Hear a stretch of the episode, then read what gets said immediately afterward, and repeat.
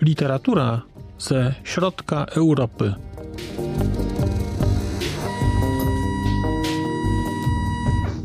Podcast około książkowy.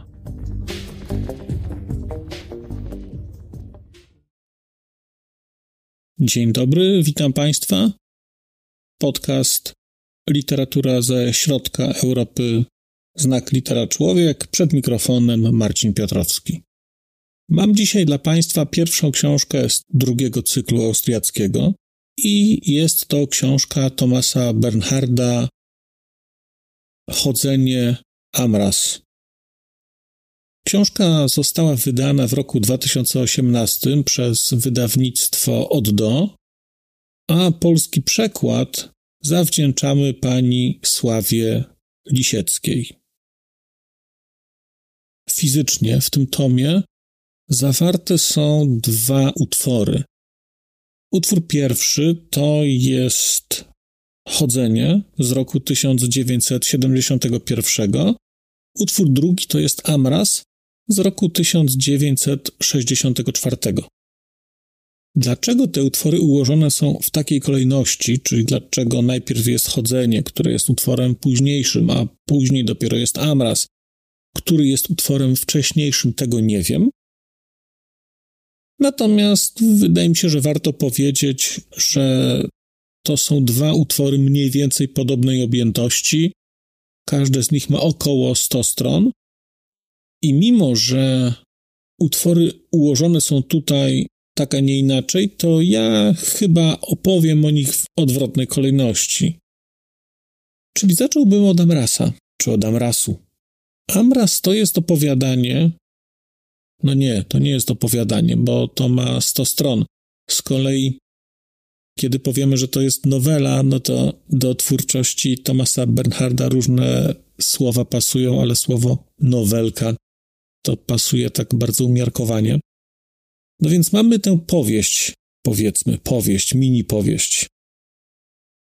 Mamy mini powieść Amras, która jest rodzajem historii rodziny, a właściwie końcowego etapu historii rodziny, a właściwie, no, czymś, co następuje po historii rodziny. Dlatego, że spotykamy tutaj dwójkę rodzeństwa, dwóch braci, są nastolatkami, mają chyba około 19 lat, którzy właśnie stracili rodziców. Rodzice popełnili samobójstwo. Rzecz w tym, że tych dwóch młodzieńców także usiłowało popełnić samobójstwo razem z rodzicami, ale zostali odratowani. I utwór Amras jest próbą zmierzenia się z tym, co do tej sytuacji doprowadziło, a także zmierzenia się z sytuacją życia po takiej próbie i jakimś odnalezieniu się w takim świecie, w którym nie chciało się być, a do którego zostało się przywróconym. Powiedziałbym, że ten utwór nie jest tak typowo bernhardowski. Mamy oczywiście tutaj elementy charakterystyczne dla twórczości Thomasa Bernharda, czyli rodzaj bardzo zdystansowanego stosunku do otaczającego świata. Tutaj akurat w Amrasie nie jest to Austria, tylko tu jest mowa o Tyrolu. Więc to jest utwór, który jest, czy refleksja w tym utworze jest krytyczna w stosunku do Tyrolu, do ludzi tyrolskich, Natomiast nie jest tego tak dużo jak w innych częściach twórczości Thomasa Bernharda.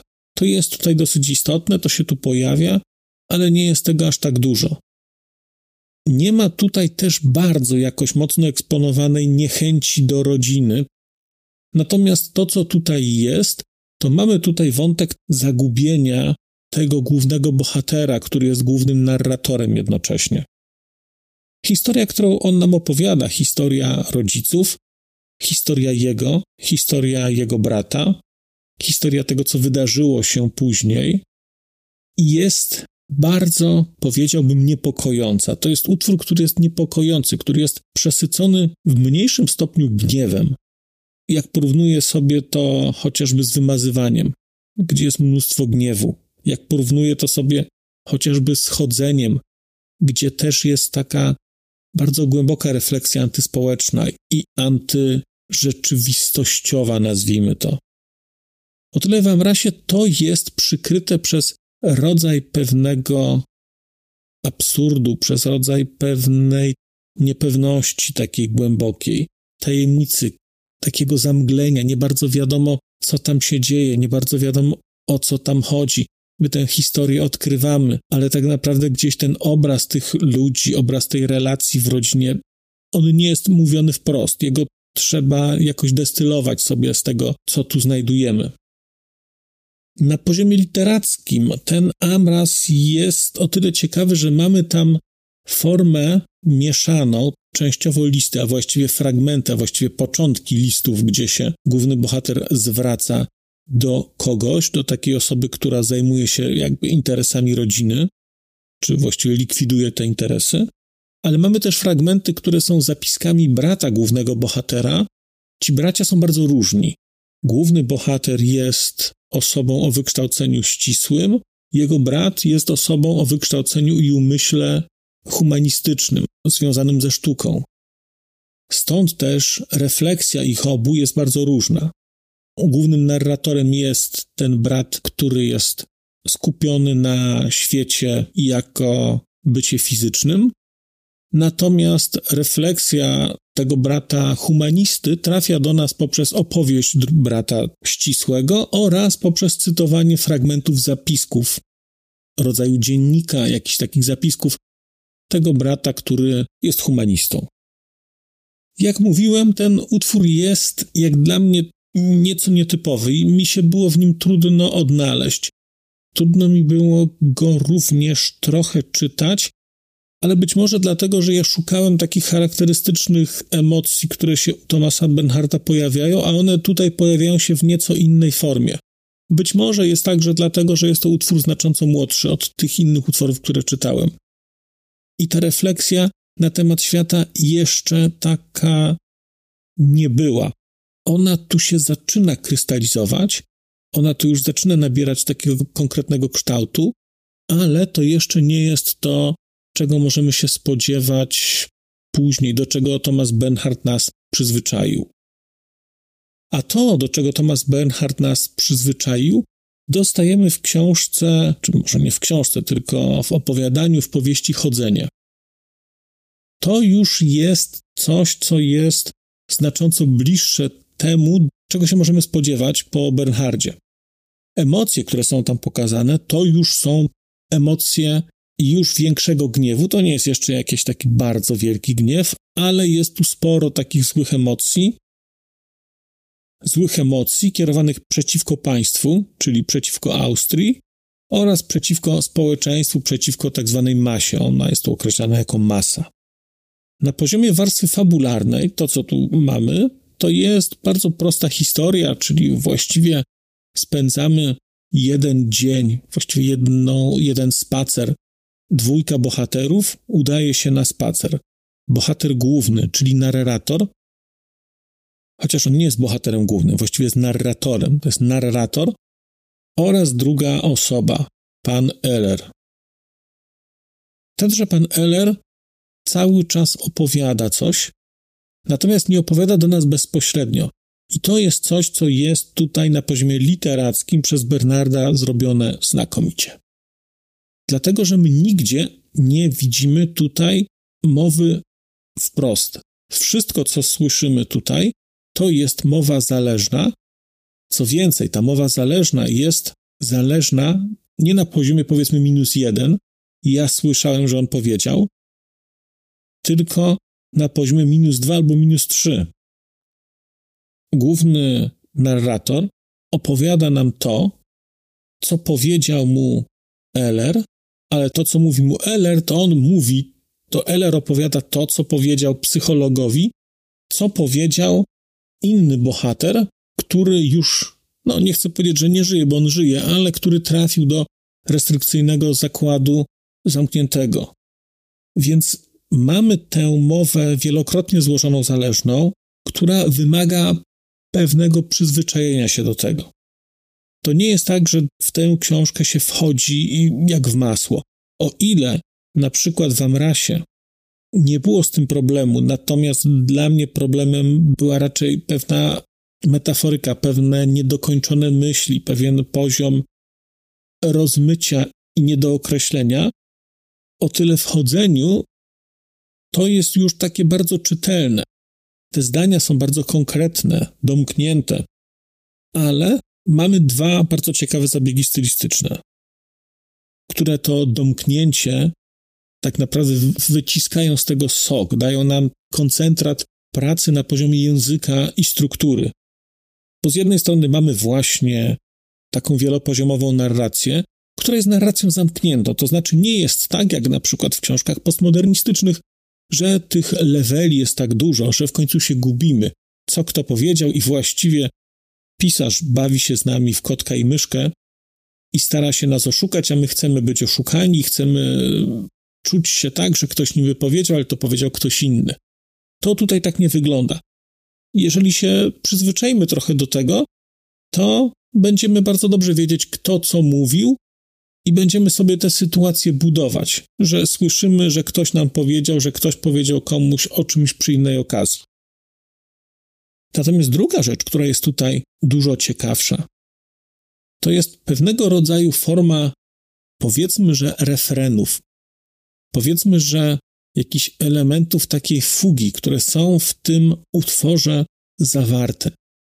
Dlatego, że duża część tekstu, który będziecie Państwo pisać, oparta jest o pewnego rodzaju przetworzenia pewnych zwrotów. Czyli jeżeli mielibyśmy zdanie, które brzmiałoby, czy niosłoby komunikat A, B, C, D, to będziemy mieli zdanie A, B, C, D, po nim będzie następowało zdanie C, B, D, A, po nim będzie następowało zdanie D, C, A, B, i najczęściej to będzie tak, że to będą trzy albo cztery zdania, które będą praktycznie tymi samymi zdaniami, będą mówić praktycznie to samo, ale nie zawsze, a będzie to opowiadane poprzez jakieś takie anagramowanie tych wyrazów. Pozwólcie Państwo, że zacytuję fragment, bo to jest istota tego, jak ta książka jest napisana. Nie jest ona napisana tak cały czas, natomiast główne partie tej książki są napisane właśnie w taki sposób. Są takie fragmenty, potem jest jakieś przejście i potem jest kolejny fragment pisany w takim właśnie stylu. Posłuchajcie, jak to Thomas Bernhard pisze. Scherer zawsze zadawał pytania, które moim zdaniem były pytaniami nieistotnymi, wobec czego Scherer, mówił Eller, otrzymywał ode mnie oczywiście nieistotną odpowiedź. Tacy ludzie nieustannie zadają nieistotne pytania i wskutek tego nieustannie otrzymują nieistotne odpowiedzi, ale w ogóle tego nie zauważają. Podobnie jak nie zauważają, że zadawane przez nich pytania są nieistotne, a wskutek tego bezsensowne. Tak też nie zauważają, że odpowiedzi, które na nie otrzymują, są nieistotne, wskutek tego zaś bezsensowne. Gdybym nie wymieniał raz po raz nazwiska Hochelsteina, mówi Eller, Scheller w ogóle nie wpadłby na to, że chodzi o Hochelsteina. Jest czymś niezwykle przygnębiającym, kiedy siedzi pan naprzeciw człowieka, który już przez samą swoją obecność nieustannie twierdzi o sobie, że jest kompetentny, a przecież w najmniejszym stopniu nie jest kompetentny w sprawie, o której chodzi.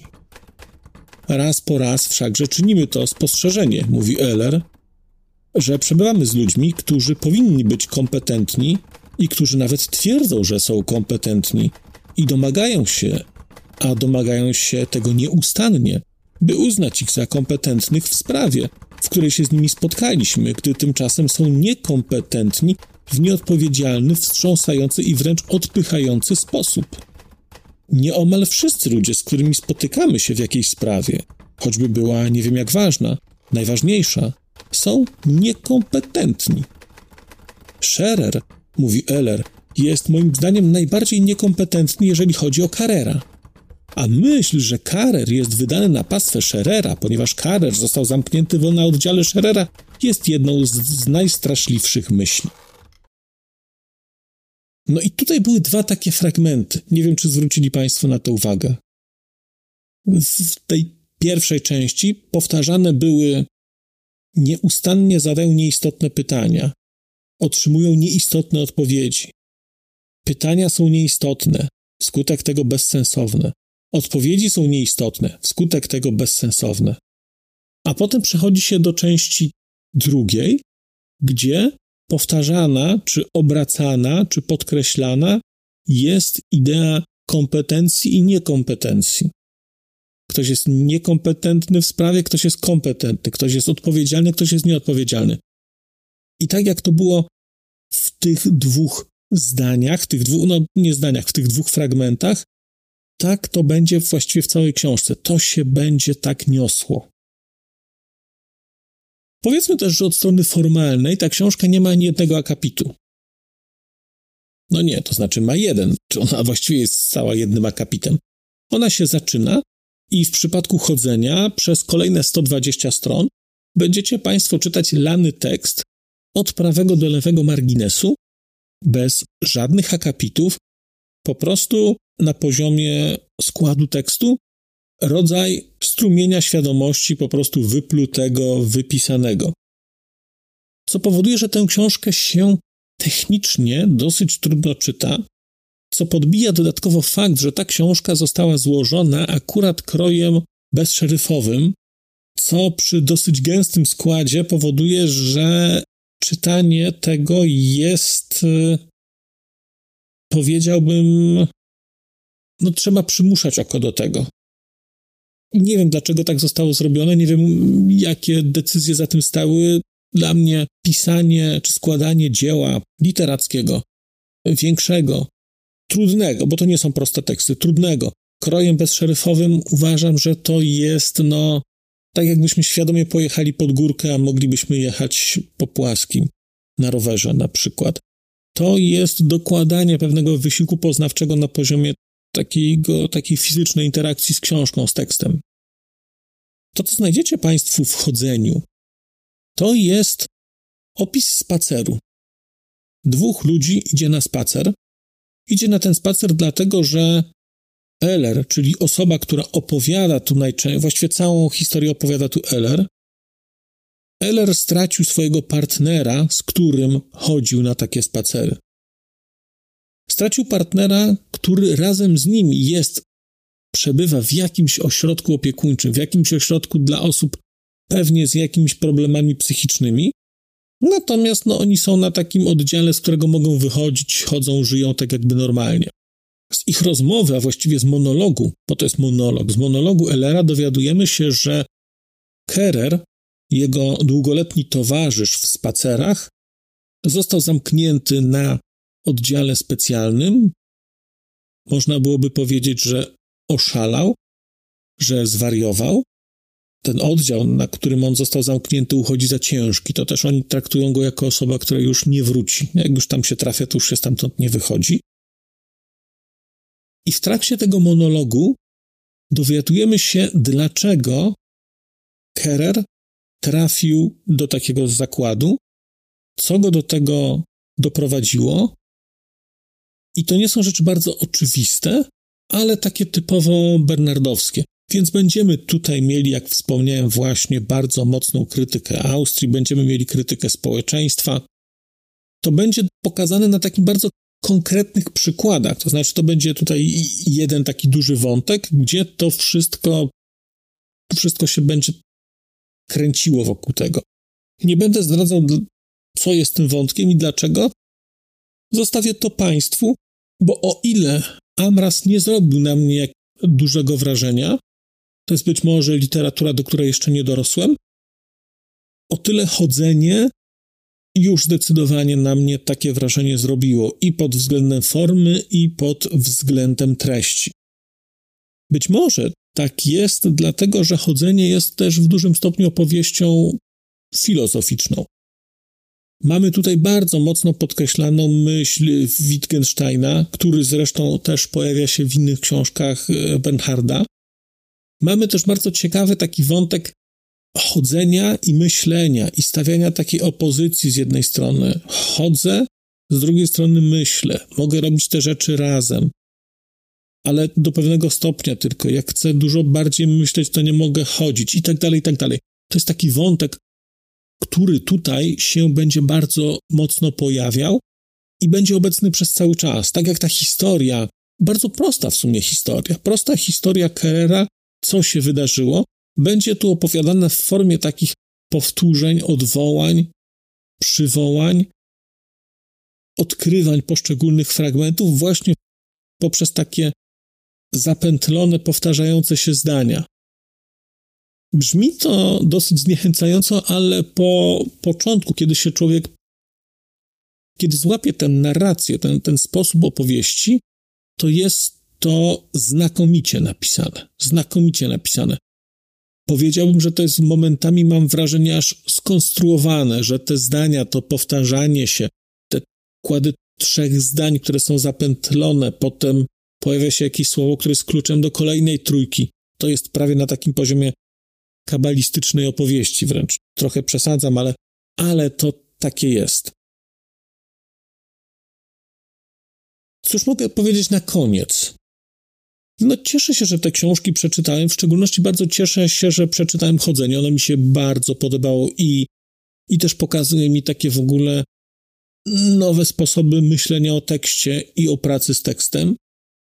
Amras nie zrobił dla na mnie aż takiego wrażenia, i jestem, przyznam, zaskoczony i nie wiem, dlaczego akurat Amras umieścił Thomas Benhart w wymazywaniu jako książkę, która jest rekomendowana Gambettiemu jako coś, do czego warto wracać, jako coś, co jest istotą literatury austriackiej czy niemieckojęzycznej, tak jak tam mm, główny bohater Murnau proponuje czy rekomenduje Gambettiemu czytanie ale będę zgłębiał ten temat, może w jakichś pracach krytycznych gdzieś znajdę, no bo sam tego raczej nie odkryję, gdyż moja wiedza na temat literatury austriackiej jest, nazwijmy to, wysoce niewystarczająca.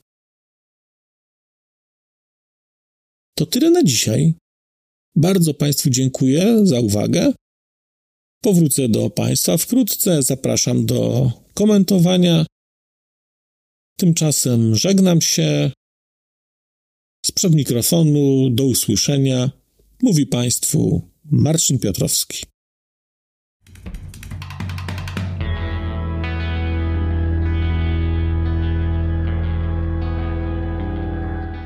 Bardzo dziękuję Państwu za wysłuchanie tego odcinka, bo skoro jesteście w tym momencie, to znaczy, że wysłuchaliście go do samego końca.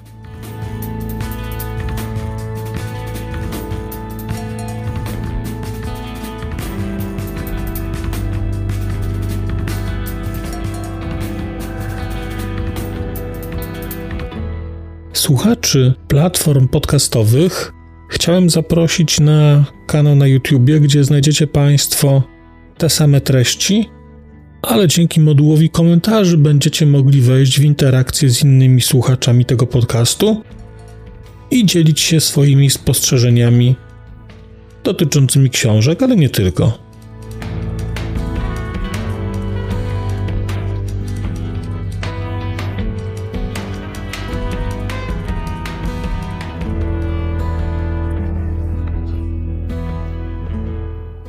Oprawa muzyczna tego odcinka została zrealizowana na bazie muzyki słowackiego zespołu Longital.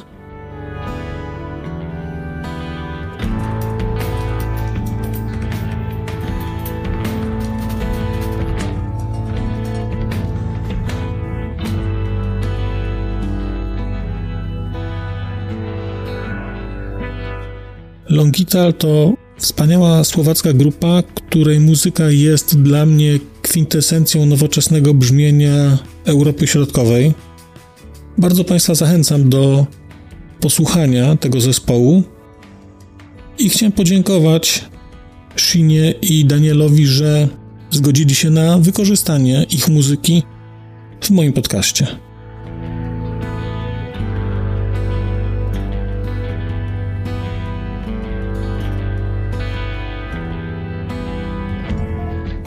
Sino a Daniel, Ďakujeme vám veľmi pekne, že ste nám umožnili použiť vašu hudbu.